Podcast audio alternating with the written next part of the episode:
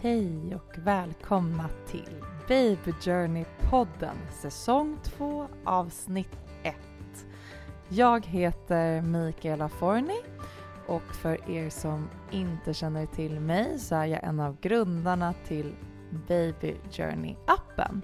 Och för er som inte känner till Baby Journey sen innan utan hittade det här avsnittet i kanske Spotify eller podcaster så är vi en gravid och småbarnsapp där du kan följa din graviditet från och med att du plussar på stickan och sen ditt barn upp till två års ålder.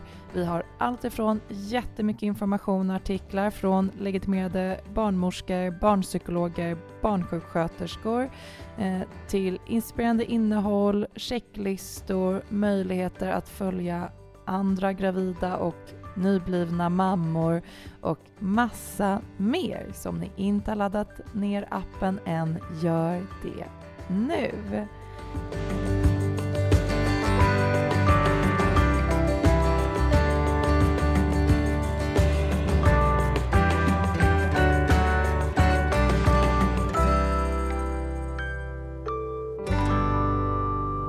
Idag ska vi prata om ett ämne som jag tycker är väldigt spännande och som många har efterfrågat på våra sociala medier. Vi ska prata om att få ett syskon och med mig har jag den legitimerade psykologen Josefin Merlo Sjö som jobbar som barnpsykolog på Stockholm Kids. Samtalet kommer att handla om vad man till exempel kan göra när ens barn agerar ut mot bebisen som precis har kommit hem och flyttat in hos en, hur man förbereder ett stora syskon under graviditeten, vad man gör när man precis har kommit hem från förlossningen och eh, hur man själv ska tänka de gånger som det går lite snabbt och det dåliga samvetet kanske kickar in. Vi har även tagit med ett gäng användarfrågor som vi kommer att ta upp i slutet av podden.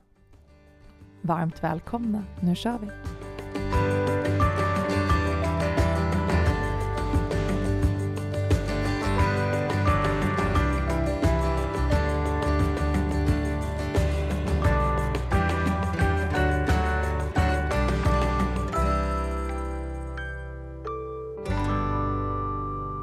Josefin Merlo Sjö, varmt välkommen! Tack så jättemycket! Vi ska ju prata om att få ett syskon idag. Mm. Och det här är ju någonting som vi har gjort en IGTV på, på vår Instagram. Och det kom in väldigt mycket frågor från våra användare och följare kring det här ämnet. Mm. Och då tänkte jag, först och främst så är ju du gravid med bebis nummer två, så yes. du, ni väntar ju ett syskon. Grattis! Tack, tack! Ehm, och det känns ju passande också med tanke på dagens ämne. Precis. Och jag tänker att vi ska gå igenom hela processen från början till slut. Mm. Ett slut finns det ju inte, men från liksom början. Eh, man får reda på att man väntar ett lilla syskon och det är nio månader till the big bang och syskonet kommer. Hur tycker du att man ska prata kring graviditeten och den kommande bebisen med sitt barn? Mm. Man kanske inte berättar precis när man plussat på stickan och det är nio månader kvar.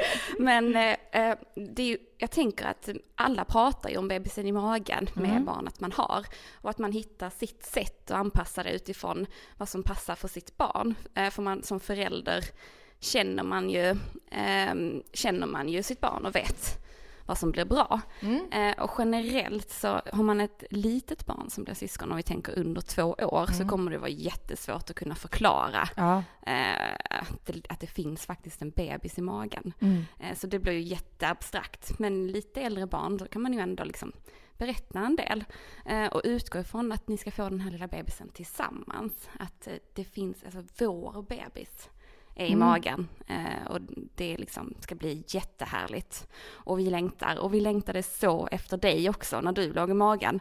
Mm. Och det var så mysigt när du kom, så att man förbereds på att det faktiskt är en liten familjemedlem som mm. kommer, som man kommer älska. En del kan ju vara, man möter ibland föräldrar som är lite försiktiga och liksom lite så, man vill inte berätta för mycket om hur man längtar och så för att det skulle kunna väcka svartsjuka. Ja, vilket jag kan förstå. Det är ändå en rimlig tanke. Att, Verkligen. och nej, pratar jag om att jag längtar för mycket så kanske barnet blir surt eller... Precis. Jag kan tänka ibland, jag kan märka på min son som är då drygt två, att ibland om jag berättar någonting och är för exalterad Ja. kan han bli anti. Om jag säger att Ja. idag ska vi gå och träffa mamma Mu och Kråkan på Junibacken, vilket borde vara den bästa dagen i hans liv, så kan reaktionen ändå bli Nej! ja, det blir så mycket. Inte gå dit! Ja. liksom. För att han... Jag är lite för glad. Ja, Så jag kan förstå att om jag bara Du ska få ett lilla syskon och åh vi längtar så mycket. Att han kanske bara nej, precis. inget syskon. Ja. ja, men det tror jag många känner igen sig i faktiskt. Eh, som, alltså man får ju göra det på sitt sätt så att det Mm. känns naturligt. Mm. Men ändå känna att man faktiskt kan uttrycka kärlek och Ska längtan på sitt sätt. Ska man vänta tills magen syns eller kan man börja innan? Och magen växer ju också i olika takt Precis. Mm. på alla. Vad tänker du där? Det är jättelångt tidsperspektiv så Mm. att det, och barn har ju inte sån framförhållning. Nej. Men det är ju lite så här strunt samma, man får ju berätta ändå och så, så Mm. får man berätta under graviditetens gång och prata om det. Mm. så blir det en förberedelse. Men eh, det är lite olika när man väljer att berätta. Alltså dels kan man ju tänka på att det är bra att barnet får reda på det först av föräldrarna. Mm. Så att man inte får reda på det i förbifarten av någon vän eller släkting Nej, som vet innan. det är ju Just, faktiskt ett jättebra tips. Mm. För det kan ju annars hända kan jag tänka mig att mormor kommer hem och säger Åh, ska du bli stor? Ja, Syster?" precis. Och man bara, va? ja. Mm. Nej men just för att inkludera Mm. att det är vi, familjen, som får den här bebisen. Mm. Eh, så att då kanske det blir att man berättar precis innan man tänker att nu ska vi berätta för folk. Mm. Och sen, eh, eh, ja, det är olika. Mm. Har du några så konkreta tips på hur man kan förbereda ett stora syskon under tiden som bebisen är i magen? Mm. Och då, precis som du var inne på här, så är det väl kanske lite olika på ett syskon som är ja, under två och sen Mm. någon som kanske är över två och äldre, alltså Mm. förstår lite mer. Mm. Alltså, nu har vi pratat om att prata Mm. och det är ju en bit, Mm. men eh, det är jättebra att tänka konkret och visa när man eh, pratar med barn då. Mm. Så att utgå från liksom att kunna visa, till exempel kan man ju använda alltså, appar, alltså sin graviditetsapp och sitta tillsammans, ha en mysig stund och titta på bebisen. Mm. Visa med händerna, så här, nu, nu är bebisen så här stor och nu har hon naglar eller ja, vad det kan vara. Så Det var ju ett jättemysigt tips. Ja, mm, Det har jag inte ens tänkt på, men det är klart. Man kan ju ha en liten lässtund och läsa igenom veckouppdateringen och som du säger, nu är bebisen lika stor som en kiwi. Du Mm, älskar ju mm. kiwi. Och så. ja men precis. Det är ju väldigt abstrakt också för vuxna, så Mm. att vi använder ju de här apparna för att förstå själva. Ja, Och se lilla bebisen framför sig. Ja, Och, samma hjälpmedel är ju bra för barn också. ja. Och sen så kan man visa bilder på barnet, alltså på syskonet när det var liten bebis också för att få en tydligare bild av hur små nyfödda barn faktiskt är. Ja. Hur de ser ut och hur de är. Alltså berätta historier om hur det var när du var liten och Mm. vad ni gjorde. Mm. Så kan man liksom få in det här då att små barn är ju väldigt mysiga, man kan sjunga, man kan gosa. Eh, fast det är inte så att man spelar fotboll eller bygger med lego med en bebis. Precis. Så att man är förberedd på vad det är för syskon som kommer i början då. Ja, för det kommer jag att tänka på nu under samtalet, att det är klart, det kan ju finnas en besvikelse från stora syskonet som väntar jättespänt då på det här syskonet som ska komma och sen är det en liten bebis som Mm. inte kan göra någonting. Nej, mm. vi får hjälpa dem, visa vad Ja. de faktiskt kan göra. Eh, och visa på det, alltså visa eh, att man kan sjunga, att man kan Mm. eh, ligga och liksom titta in i ögonen och hjälpa till kan man göra genom att liksom berätta för det stora barnet hur man ser att bebisen njuter av att storebror eller, eller stora syster är med. Mm. Titta som hon liksom ler när du sjunger och så att man hjälper Mm. till och visar Ja. vad man kan göra med en liten bebis. Mm. Det är jättebra. Men eh, fler sådana här konkreta tips. Jag tänker också på eh, när man förbereder hemmet inför att bebisen ska komma. Ja. Man plockar fram sängen och eh, kläder och Mm. skötbädd. Att om barnet vill bjud in i att förbereda tillsammans Mm. och prata kring de sakerna så blir det också konkret och tydligt. Ja men det är jättebra. Involvera så mycket som möjligt Mm. känns det som att Mm. eh, det du försöker få in att inte exkludera eller utesluta det äldre syskonet. Precis. Utan ta med syskonet på den här bebisresan som pågår. Exakt, precis. Tvätta kläder och hänga upp och vart ska bebisen säng stå? Exakt. I det Alltså. praktiska och Mm. i det mer emotionella och Mm. mysiga. Alltså, man kan ju också berätta att man kan prata med bebisen redan i magen, man kan sjunga för den, Mm. att den hör från mitten av graviditeten. Och just små barns röster som är liksom lite ljusare Mm. och starkare tränger igenom ännu bättre Är det så? in till magen. Nej. Jag är ingen expert, så jag är ingen läkare, men, men eh, det har jag hört. Så Ja. att eh, det är inte alls ovanligt att den lilla bebisen faktiskt känner igen sitt syskons röst när man kommer. När man Det är föds. jättemysigt. Mm. Jag vet att eh, min fästman och hans bror, det är sex år mellan dem, så han var ju lite äldre då när han fick ett syskon. Och hade ju också hunnit säga väldigt mycket till sina föräldrar att han önskade sig och ville ha ett syskon. Mm. Och så var han ju skittaggad då när han äntligen skulle få hem sin, Mm. sin brorsa. Och han såg ju hur hans kompisar hade syskon och de lekte ju jättemycket och hittade på grejer. Och så kom bebisen hem och då stod han redo vid, eh, om det var hockey eller fotbollsspelet i hans rum. Och, Mm. Kom nu Ja. så kör vi! Och Ja. de bara, nej alltså han kan inte vara med. Och han blev Mm. så besviken, hans mamma berättade. Att han liksom längtade efter syskonet som han kunde spela spel med. Och Ja, Sen kunde bebisen bara li- ligga där. just det, så blev det en liten omställning där. Precis, och så fick han tänka om lite. Och, ja, och då fick bebisen då titta på när han lekte istället. Ah, vad fint! Mm. Så det blev bra till Mm. slut. En graviditet har gått. Det är dags att åka in till förlossningen. Med andra barnet så brukar man ju kanske känna efter också och vara lite mer förberedd kanske än första graviditeten där det kommer mer som en chock. Eller så har man ett planerat kejsarsnitt. Ska man säga eller göra något speciellt när det är dags att åka in och säga hej då till sitt barn? Mm. Men beroende på ålder här också tänker jag. Är det ett, ett litet barn, att vi tänker under två, är man ju mycket här och nu. Mm. Så man behöver kanske inte berätta allt för mycket men att man i alla fall säger hej då, nu Mm. åker vi, vi kommer tillbaka, eh, nu är du med farfar. Mm. Eh, och med ett äldre barn kan man berätta lite mer om den liksom konkreta planeringen. Att Mm. vi kommer vara borta ett par dagar, du kommer vara här hemma med farfar, säger vi då. Mm. Eh, och sen kommer vi hem och då har vi med oss eh, eh, ditt syskon. Så att Mm. barnet vet liksom Mm. att man, man kan ju ha svårt att liksom föreställa sig vad det innebär. Ja. Alltså hur ska barnet komma och hur går det till Mm. och sådär. Men att i alla fall att man vet att, att ens föräldrar är borta ett tag, kommer tillbaka och då kommer man få träffa syskonet. Mm. Mm. Och så åker man iväg då. Mm. Och så eh, kommer det en bebis och sen så är det dags att komma hem. Mm. Vad gör man då? Ja. man kommer in där. Mm. Jag tänker själv på hur eh, liksom, stort det var att komma hem med sin första bebis. Mm. Eh, och jag kom, minns hur man såg så här, sviterna av förverkar och Mm. eh, den lägenheten man lämnade och sen kom man hem med ett helt nytt liv. Mm. Eh, Men när man kommer hem den här gången har man ju ett stora syskon som väntar ivrigt. Mm. Eh, Hur ska man göra då? Hur tänker du där? Mm, precis. In i bebisbubblan igen, fast nu med två barn. Precis. Mm. Alltså det finns ju ingen rätt och fel, så att, att göra som känns bra för er, er lilla familj, Mm. tänker jag. Eh, man har ju kanske varit borta ett tag från det stora barnet. Mm. Eh, kanske längre än man någonsin har varit. Så att det har ju blivit liksom ett litet avbrott där Mm. i relationen. Så då kan man ju tänka att möta upp. Nu är vi hemma, nu är vi alla fyra.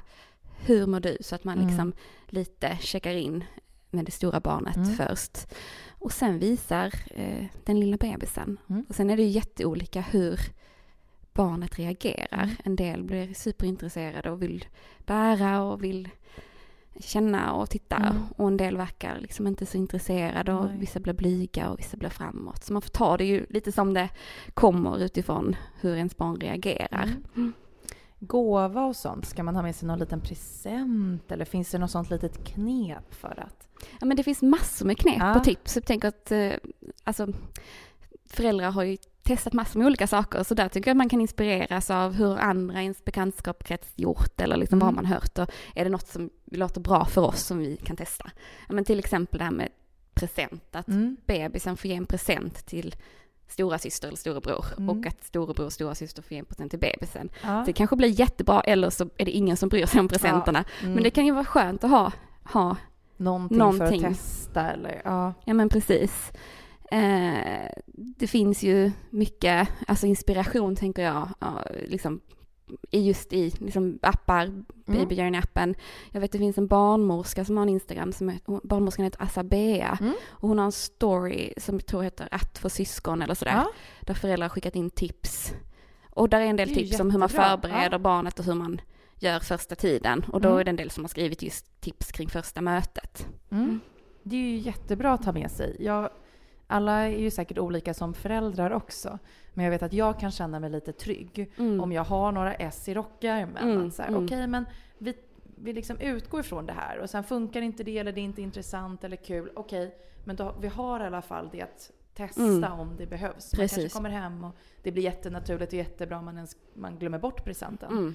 Mm. Eh, eller så är presenten det som gör att stora syskonet tycker att det ens är kul. Att man Ja. kommer tillbaka med en bebis. Mm. Eh, Men ha med sig att det finns liksom inte några rätt och fel så att man Nej. kan, det är mer kanske för att det ska kännas tryggt och bra Mm. för en själv. mm. Eh, och sen blir det första mötet eh, inte som man tänkt sig så kommer det ju nya möten nästa gång barnen ses så. Så man får ju liksom Precis. alltid en, en, en andra Mm. chans. Så.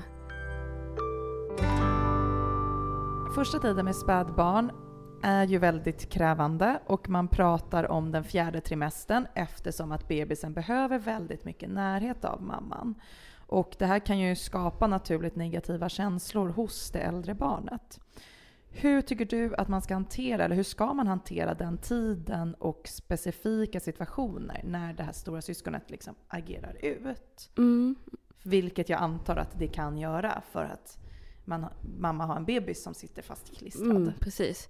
Hur barn reagerar är ju Mm. jätteolika. En, en del verkar inte reagera så jättemycket Mm. på syskon, mest på att det är kul. Mm. Eh, och en del tycker både det är jobbigt och roligt, att det växlar mycket. Mm. Eh, och en del barn visar tydligare att det här är jobbigt för dem. Mm. Och då kan reaktionerna se olika ut. En del agerar ut och slåss. En del blir mer trotsiga eller klängiga eller hyperaktiva. Mm. Så det kan se väldigt olika ut. Men det är ju en, en, liksom en, en stor förändring och en process som alla familjemedlemmar ska ta sig igenom när man har fått en ny familjemedlem. Mm. Man brukar prata om att det är liksom de första månaderna upp till liksom första halvåret är det lite upp och ner och eh, det kan vara liksom tufft. Precis. Barnet ska vänja sig vid massa nytt, att dela förälderns uppmärksamhet och vänta och det är en bebis som skriker och massa rutiner som är ändrade och det behöver man liksom få tid att vänja sig vid och landa i. Mm. Och föräldrarna ska ju också landa i att bli föräldrar på nytt, Mm. på ett helt nytt sätt till en helt ny individ. Precis. Och om det är andra barnet också, att bli flerbarnsförälder Mm. för första gången. Att lära sig hantera situationer när det är två som Mm. behöver en samtidigt. Och hur ska jag dela min tid och uppmärksamhet? Så att liksom få landa i det. Ja, för här kommer ju också lite det dåliga, jag tänker dels på det dåliga samvetet. Mm. Jag vet att jag hade känt det att här, Dante är ju hela min värld och jag Mm. ger ju honom jättemycket fokus och uppmärksamhet under den tiden vi är med varandra. Eh, och det är ju det han är van vid. Mm. Och om det skulle bli så då från en dag till en annan, vilket det faktiskt blir när man Mm. helt plötsligt kommer hem med en bebis. Att det är så här, nej men nu kan inte jag, jag kan inte bygga de här tornen med dig nu. Eller eh, jag kan inte hjälpa dig med det här. Eller jag kan inte leka kurragömma för att jag ska amma och det tar 53 minuter. Mm. Så här, jag hade fått jättedåligt samvete. Mm. Och heller inte vetat kanske hur jag skulle lösa situationen när han liksom visar tydligt att men jag vill ju leka med dig. Mm. Du Men- får ju vara med mig nu, strunta i bebisen. Ja. Helt naturligt att han kräver det och helt Precis. naturligt att man känner skuldkänslor. Och det är precis sådana här situationer som man behöver liksom vara i Mm. och hantera och landa i att liksom man hittar sätt till slut. Har du Och- några sådana knep eller tips? Ja, nej men jag tänker liksom att, ehm, att eh, tänka kring, men från barnets perspektiv, Mm. har du ett barn som agerar ut mycket eller visar mycket reaktioner på att det är jobbigt, att då behöver man extra mycket närhet och stöd. Mm. Eh, och då är det bra att försöka få till som, som alla föräldrar försöker kämpa med, att hitta tiden då, men att små stunder när man är själv med det stora barnet, mm. speciellt den föräldern då som är mest med bebisen, mm. att eh, få egen tid där man har det mysigt ihop och barnet får styra och får förälderns fulla uppmärksamhet. Mm. Så att man verkligen får tanka närhet mm. eh, och kärlek. Och är det svårt att få till och hitta tiden så får man liksom kanske ta det på vägen hem från förskolan eller i sängen innan läggning eller sådär. Mm. Och har man ett barn som är mer utagerande så är det vanligt att det blir mycket vänta, stopp, nej, sluta eh, och negativ uppmärksamhet. Precis. Och att försöka då verkligen se barnet i det som funkar och berätta det och vad mysigt det är att sitta här och äta med dig och vad fint du håller bebisen mm. och allt, lyfta allt som är positivt. Så att man då um, hjälper barnet så man förebygger de här, det här utagerande beteendet. Mm. Det är mm. det som är det viktigaste perspektivet snarare än hur man hanterar när utagerandet väl Precis, händer. Då får man ju ja. försöka vara lugn ja. och skydda så ingen blir skadad ja. eller sådär. Men um, um, sen är det också liksom viktigt att ta hand om hela familjen. Mm. Mår föräldrarna bra så det, blir det ju lättare för barnen också. Mm. Eh, och att vara medveten om att det är en jättestor livsförändring. Mm. Omvälvande, man behöver tid att landa, eh, sänka stress och krav. Mm. är viktigt då i allt annat, allt man kan. Låta det vara liksom stökigt och smutsigt och ja. lägre krav på matlagning och, och vad det kan vara. Mm. Eh, och ta emot hjälp och avlastning. Det var ju faktiskt ett jättebra tips för att eh, det kanske inte är så jätteviktigt att vi äter hemlagad mat från grunden Nej. Eh, just under första bebistiden. Eller att lägenheten är perfekt städad. Eller att man duschar varje dag. Nej, precis. Det är bara bra, då har man prioriterat rätt. Ja. så man får mer tid liksom i sängen och kunna mysa ihop eller vad det kan vara. Men också sänka kraven på det stora barnet, att har man mm. haft viktiga så här, rutiner, att men man städar undan efter sig när man har lekt på rummet och mm. man hänger upp jackan när man kommer in. Det är helt okej att ta paus från mm. det. Eh, det är inte så att man måste vara konsekvent, annars så tappar man allt man har jobbat upp. Mm. Utan i perioder eh, när det är större förändringar så är det bra att sänka kraven på barnen också.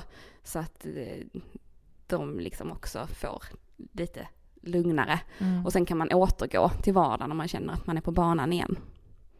Jag tycker ändå att det är intressant. Jag har liksom en känsla av, som jag tror att ganska många andra delar med mig, om att så stora syskon generellt i livet eh, tar lite mer ansvar, eh, är lite mer ordning och reda och ja, sköter sig mm, eh, lite mm. bättre. Medan eh, lilla syskon mm. Ehm, är lite mer eh, busiga, gör lite som de vill och kanske så här, är vana vid att komma undan med en del mm. med glimten i ögat. Ja, typ. ja, precis. Och när du berättar om liksom det här, när vi pratar om den första tiden och sånt så är det ganska naturligt att man blir så. För att man får ju lära sig redan från ung ålder som stora syskon mm. att gud vad du är duktig som hjälper till. Mm. Och, ja, men om du, kan du slänga bebisens blöja eller kan du hjälpa till och göra det här? Åh vad du är duktig. Mm. Så man främjar ju hela tiden känslan av att om jag tar ansvar så är jag duktig. Mm. Medan eh, det minsta syskonet, eller det som inte får fler syskon, som blir liksom lilla syskon, eh, den kanske aldrig behöver ta det ansvaret redan mm. som liten. Ja, man kanske får öva mer på att vara stor Precis. för att man är större i jämförelse med mm med det andra syskonet. Och det hör ju jag även på mina kompisars eh, barn, de som mm. är stora syskon. Och där har ju vissa får ju mer krävande bebisar än andra. När, mm. liksom, så att då kanske det har varit vissa eh, lilla syskon som har kommit som har krävt väldigt mycket, haft magproblem eller sovit väldigt dåligt mm. eller ja, andra typer av saker som inte har fungerat. Och då har ju stora syskonet verkligen behövt ta ett större ansvar och man märker ju att de vet ju om det. Att så här, mm. Jag måste göra allt eller jag får inte göra så, jag måste hjälpa till med det. Mm. Det är väldigt intressant hur mm. det formar människor. Från ja. Det finns ju en del forskning på, på, liksom, på, på gruppnivå så man kan inte dra mm. allt för eh, stora slutsatser men att man till viss, del påverkas av vilken plats man har i syskonskaran. Så. Mm. Men tänker vi inne på det här med att för, för barnet så behöver man då liksom hitta balansen kring att ja, men jag är faktiskt större än den här bebisen, mm. jag klarar en del. Jag är fyra år och mm. jag kan liksom, jag kan klä på mig själv och jag kan äta själv och sådär. Men jag är inte vuxen, så jag klarar Nej. inte lika mycket som föräldrarna. Nej. Och att ofta så kan barn växla mellan det, att vara liten, vilja vara bebis Mm. och sen att det är härligt att vara stor också. Mm. Att man får stötta barnet i det genom att både uppmuntra och gå med i när barnet vill vara liten bebis Mm. igen. Och, och att lyfta det som är bra med att vara stor. Att tänk vad kul att du och jag kan bygga det här svåra legot ihop. Det kan ju Mm. inte bebisen vara med på. Det kan man Mm. bonda lite i. Och att ge tillit till barnets förmågor att liksom förvänta sig att man, de klarar vissa saker. Det är att vi, hjälper oss, vi hjälps åt liksom efter förmåga. Så att, att både stötta i att vara stor och stötta i att vara liten. Mm. Det är ju jättebra.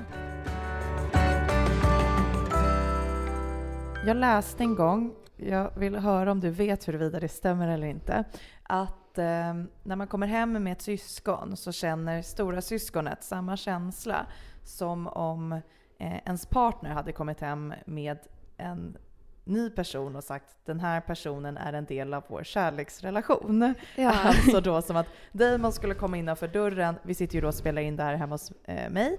Eh, som att då min kille skulle komma innanför dörren med en ny tjej och så säger han Det här är eh, Jessica. Eh, hon ska bo här nu med oss Mm. och jag är kär i henne också men jag är fortfarande lika kär i dig. Mm. Och jag älskar dig jättemycket men jag älskar henne lika mycket. Mm. Och nu ska vi alla tre leva här ihop. ja. Och om- jag känner hur jag hade känt så hade jag inte känt någonting bra alls. Jag hade ju blivit jättesur och Mm. Mm. eh, liksom velat sparka ut Jessica. Ja. Ja. Eh, går det att jämföra med känslan som stora syskon har eller? Alltså jag har inte eh, läst någon forskning kring det här. Det här handlar ju om Svartsjukeforskningen. Ja, men det handlar ju om barnets upplevelse och Mm. där är vi ju alla olika. Så att upplevelserna skiljer ju sig åt från Ja. person till person. Men vi är ju inne på svartsjuka Mm. tänker jag. Och jag tänker att det kan säkert många barn känna igen sig i. Mm. eh, att det på något sätt är väldigt svårt att man helt plötsligt ska dela med sig av ens Mm. förälders liksom, tid och uppmärksamhet. Eh, och, och man kanske kan känna igen sig som förälder också. Alltså den Mm. här upplevelsen av att jag har ju blivit förälder med mitt stora barn. Det var Mm. vi som gick igenom hela den här bebisbubblan och eh, nu liksom, jag älskar dig med hela Mm. mitt hjärta. Hur ska det gå att göra det med en Mm. liten bebis till? Och sen så funkar ju det. Alltså det, det kan ju se ut på olika sätt. Men Mm. att innan man har liksom landat i det och när allt är nytt så kan det vara svårt att greppa hur, hur det ska gå ihop. Mm. Eh, men barn, jag tänker deras upplevelser brukar ofta kunna växla mycket. Så att ena stunden kanske man är jättesvartsjuk Mm. och tycker att det här är helt fel. Lämna tillbaka den här bebisen. Ja, för då förklarar ju det, sätter man sig in i den känslan så kan man ju förstå varför Exakt. vissa stora syskon försöker riva upp bebisens ansikte ibland. Ja, men från precis. ingenstans. Precis, det är så ovant och så konstigt. Mm. Men samtidigt så kan det ju också svänga och sen att man är jättestolt och jätteglad. Mm. Eh, och att eh, liksom, det är ju världens mest naturliga grej egentligen att få syskon Mm. och att umgås med flera barn. Eh, så det brukar gå bra. Mm. Det är inte så att eh, det för de flesta barnen blir ett trauma att få ett syskon. Nej. Det kan man ju också lugna sig själv Ja. med. eh, när det känns liksom överväldigande. Att det är nytt, man måste vänja Mm. sig. Men sen så brukar det gå, gå bra. Mm.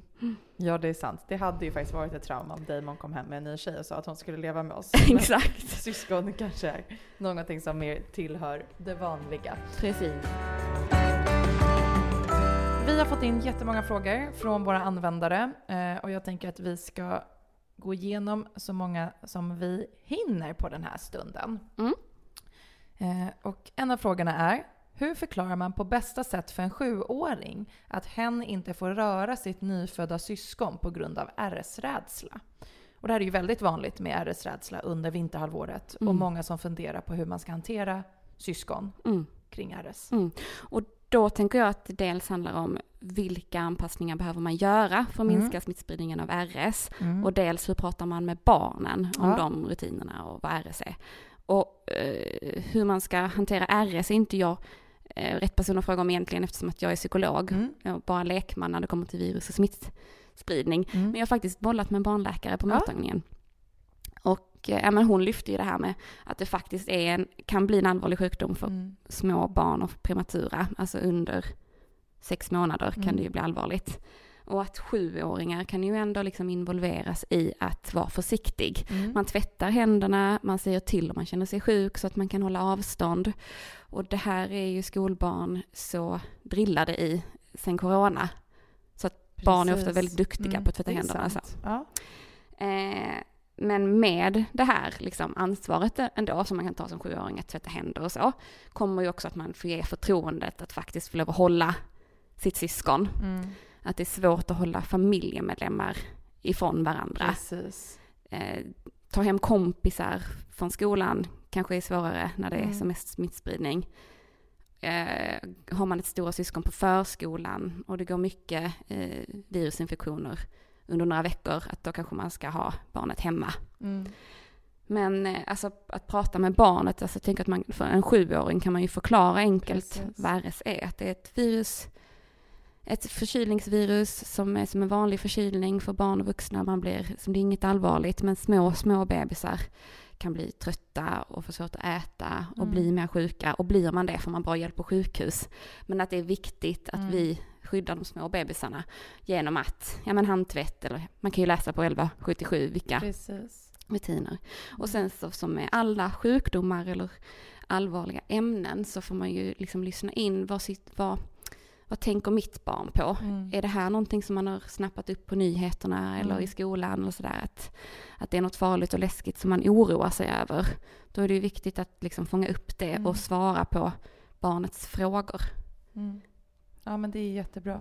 Och det här som du säger att det är svårt att hålla familjemedlemmar ifrån varandra när man lever tillsammans. Mm. Men man kan för- förklara eh, vikten av just att se till att tvätta och vara noggrann Mm. och när man kommer hem från skolan så finns det någon viss rutin. Mm. Och, eh, just så att man gör det man kan för att förhindra att olika Precis, typer av virus tar sig in i. precis, hemmet. precis.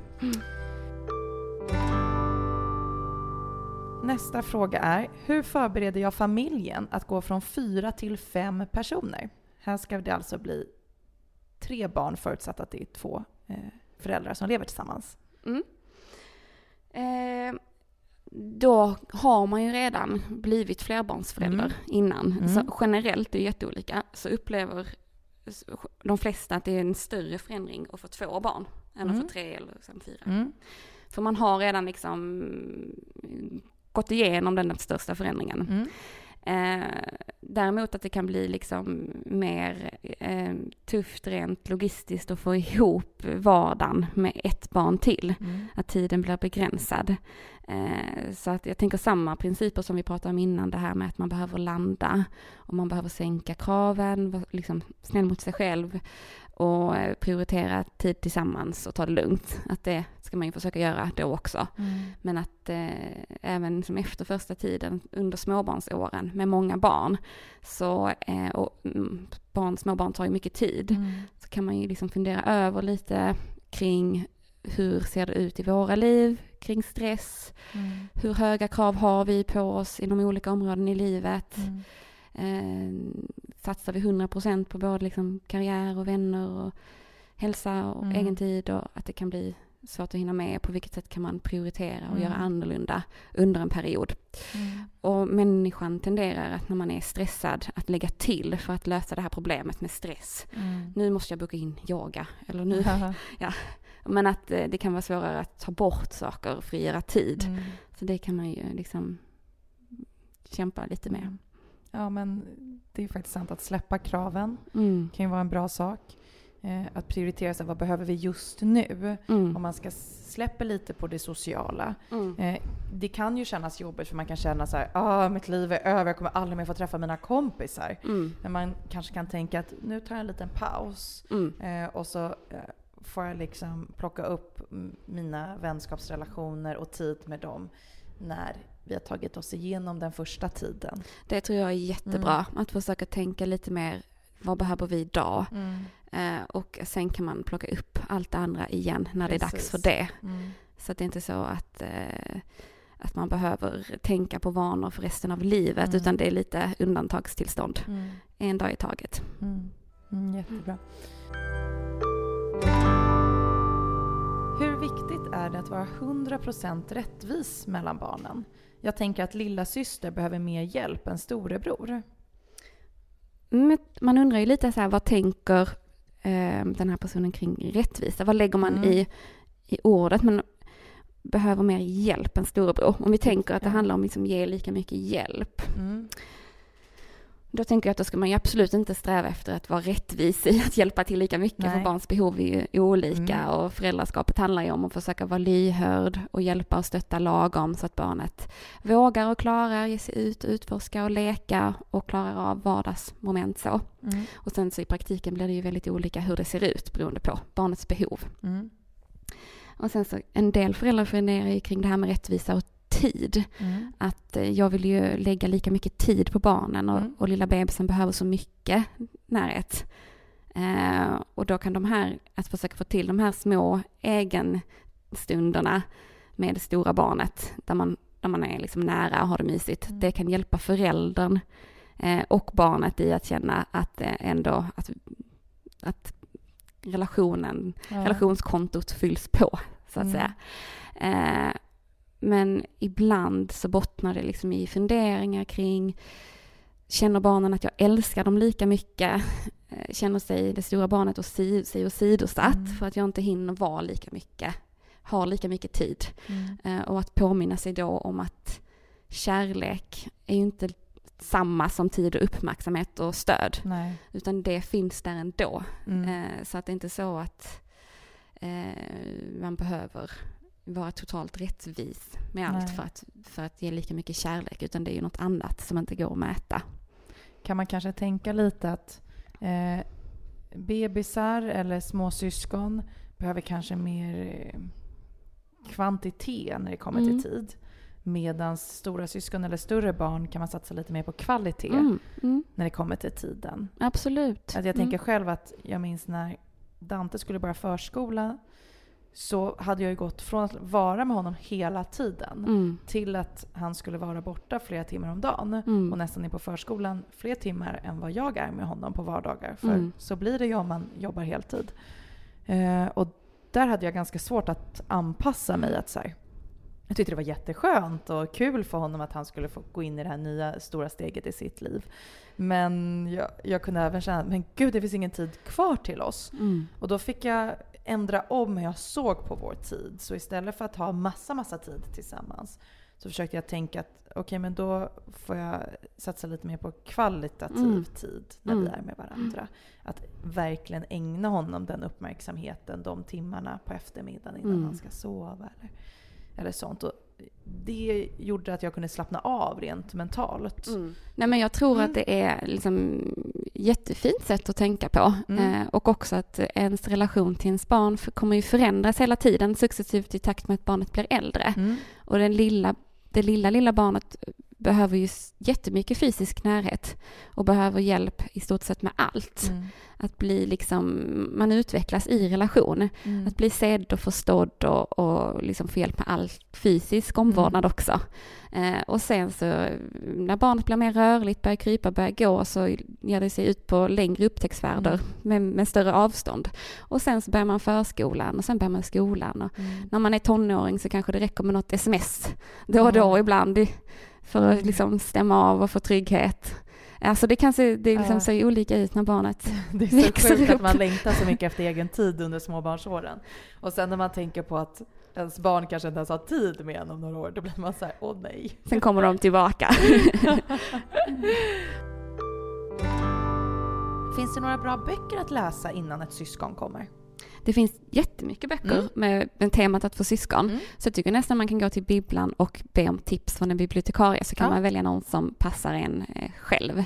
Jag, alltså personligen så gillar jag väl Ast- Astrid Lindgren Mm. och för hon kan liksom beskriva barns perspektiv och upplevelser och känslor som både är roliga men också jobbiga Mm. upplevelser och tankar. Så hon har skrivit en bok som heter Att få syskon, eller nej, jag vill också få ett, ha ett syskon. Mm. Eh, men det är ju som en smaksak. Men den Mm. gillar jag. Jag vill också ha ett syskon. Exakt. Mm. Gulligt, gullig titel. När lilla syster kom var det som att min äldre blev en bebis igen. Hur handskas man bäst med det? Det här är intressant, för det här var ju du lite inne på. Mm. Att ett stora syskon kan ju pendla också mellan att vilja ta jättemycket ansvar Mm. men också vara en liten bebis för Mm. får man uppmärksamhet och tid med mamma och gos. Ja men precis. Mm. Ja men det är vanligt Mm. att eh, det kommer bebislekar, att Mm. tre fyraåringen också vill prova och se om man får plats i vagnen Ja. och eh, vara i famnen och skrika som en liten bebis Mm. och sådär. Man kan se det som en lek, Mm. att barnet testar och provar på och leker Mm. att vara liten och att det blir ett jättebra sätt att bearbeta den förändringen som pågår. Mm. Att liksom i leken spelar barn upp olika scenarier ur livet Mm. för att prova på och bearbeta och hantera. Och att det är liksom någonting jättebra Mm. att göra. Så man kan gå med i leken och ta hand om sin lilla bebis, sin stora bebis då. Mm. Eh, och det, det är bara liksom positivt. Och sen så får man utgå från hur mycket man själv orkar och, och om det finns tid. Har man en fyraåring som alltid vill leka bebis då Mm. får man ju kanske hjälpa till lite extra med det här med att hjälpa till, alltså att lyfta att vara stor. Mm. Eh, så att det, det funkar i vardagen liksom. Mm. Okej, så man kan göra till en lek och blir det lite mycket då får man kanske fokusera lite mer på att det är bra att vara stor också. Exakt. Mm. Många är så himla ambitiösa och vill Ja. göra eh, allt så bra som möjligt för barnet bara. Så att om man säger Mm. det är jättebra att leka bebis så kanske det är en del som vill göra det hela tiden. Ja. Så jag tänker bara så att man inte har för höga krav på sig själv Ja. utan det ska ju funka i vardagen Ja. om man gör sitt bästa liksom. Mm. Det är jobbigt att man fick två bebisar. Ja, precis. Jag är en väldigt överbeskyddande förälder och litar inte riktigt på mitt barn runt lillebror. Eh, Stora syskonet är tre år och bebisen är tre månader.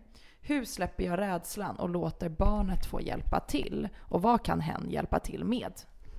Mm, det här är ju eh, jätterimligt att man Mm. känner sig överbeskyddande av Mm. en tre månaders bebis för att de är ju jättesköra och Mm. behöver skyddet från föräldern. Ja. Så det är liksom en jättestark instinkt vi har att vilja Mm. skydda. Eh, så att eh, det är inget konstigt, det ska man liksom inte få skuldkänslor av att man känner. Eh, men man kan ju försöka i möjligaste mån att, att ligga steget före och guida det stora barnet hur man ska vara med bebisen Mm. så att man gör rätt och Mm. visa. Eh, om barnet kommer mot bebisen och vill eh, vara nära att Mm. uppmuntra det initiativet. Som vad kul, du vill prata med bebisen. Eh, ska vi lägga henne i famnen? Ska du prova och klappa här? Så att man liksom Mm. guidar. Eh, och sen att man, eh, att man berömmer och bekräftar det liksom stora syskonet gör som är Mm. fint och bra med bebisen Mm. hinner man liksom inte ligga steget före och det, det är nära att det händer en olycka, då kommer man ju reagera instinktivt, som sagt, alltså skrika stopp eller sådär. Mm. Och det är ju inget konstigt och då, det blir ju också en guidning kring att bebisar är ömtåliga. Mm. Jobbigt om det blir så varje gång att man Mm. skriker till och så. Det, är ju bra att försöka ligga steget före, så att, Mm. men det är ingen fara att man reagerar reflexmässigt då och då. Det är inga konstigheter, utan då får man bara försöka nästa gång att Det kan ju vara skönt att höra för jag kan tänka mig att det kommer ett dåligt samvete när hon skriver Nej eller vad gör eller man visar ilska eller Mm. ja, för man får kanske lite panik om man ser att ett stora syskon är på väg att precis eh, skada eh, bebisen. Mm, man ska komma ihåg att vi gör vårt bästa. Mm. Det finns inga perfekta föräldrar, utan det händer. Ibland blir det bra, ibland blir det mindre bra Mm. och så får man en ny chans nästa gång. Ja. Så, så att man är snäll mot sig själv. Mm. ja, jätteviktigt. Och är det situationer där det brukar oftare bli riskfyllt, alltså är det när man lägger bebisen i babygymmet på golvet, precis där stora syster brukar kasta lego, Mm. då kanske man inte ska ha bebisen på golvet. Nej. Eller så att man kan Mm. försöka förebygga. Ja.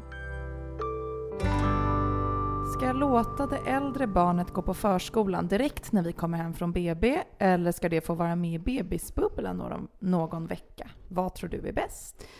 det vet föräldrarna bäst. Mm. Alltså, och det beror på barnets behov och det beror Mm. på familjens situation. Mm. Så där ska man liksom känna efter och välja något som man tror blir bäst för ens, en- ens egen familj. Och sen inte få skuldkänslor när man får höra från andra att det skulle vara fel, för det vet ju ingen annan än ni. Men alltså det beror ju på dels liksom hur, hur skört är det i Mm. starten? Har man haft en liksom, tuff förlossning eller kejsarsnitt och känner att man liksom behöver tid och bara liksom återhämta sig? Mm. Eh, Eller kämpar man mycket med amningen eller får igång matningen, eh, då kanske det är skört och jätteskönt att det äldre barnet får vara på, vara på förskolan. Mm. Både för föräldrarna men också för syskonet och slippa allt det här Mm. liksom. finns ingen att leka med och det är jättetråkigt hemma. Mm. Sen blir det också en, en trygg, vanlig rutin som får fortsätta. Mm.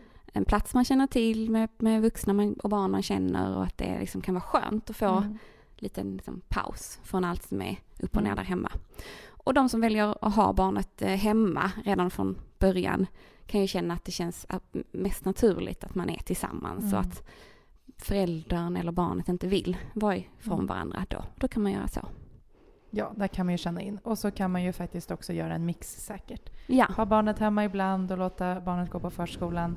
Om det är dagar då man sover väldigt dåligt eller som du säger det är krävande med amning eller Mm. det är någonting som inte känns bra.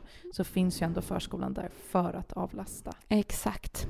Och jag vet ju mitt, min son är, han älskar att gå på förskolan. Det är det bästa han vet. Ja, Så ja, han tycker det är roligare att vara där ja. än att vara hemma med mig. ja. Men det är ju också en sån viktig sak Mm. att väga in Mm. i ekvationen. Precis. Det var de frågorna som vi hann med. Mm. Eh, och jag tror att vi har gått igenom det mesta. Eh, jag tänkte fråga om du har något sista, eh, något sista du vill tillägga kring det här ämnet eller något typ av litet tips eller det här kan man tänka på eller så här kan man göra Mm. under eh, i väntan på syskon eller när syskonet precis är här.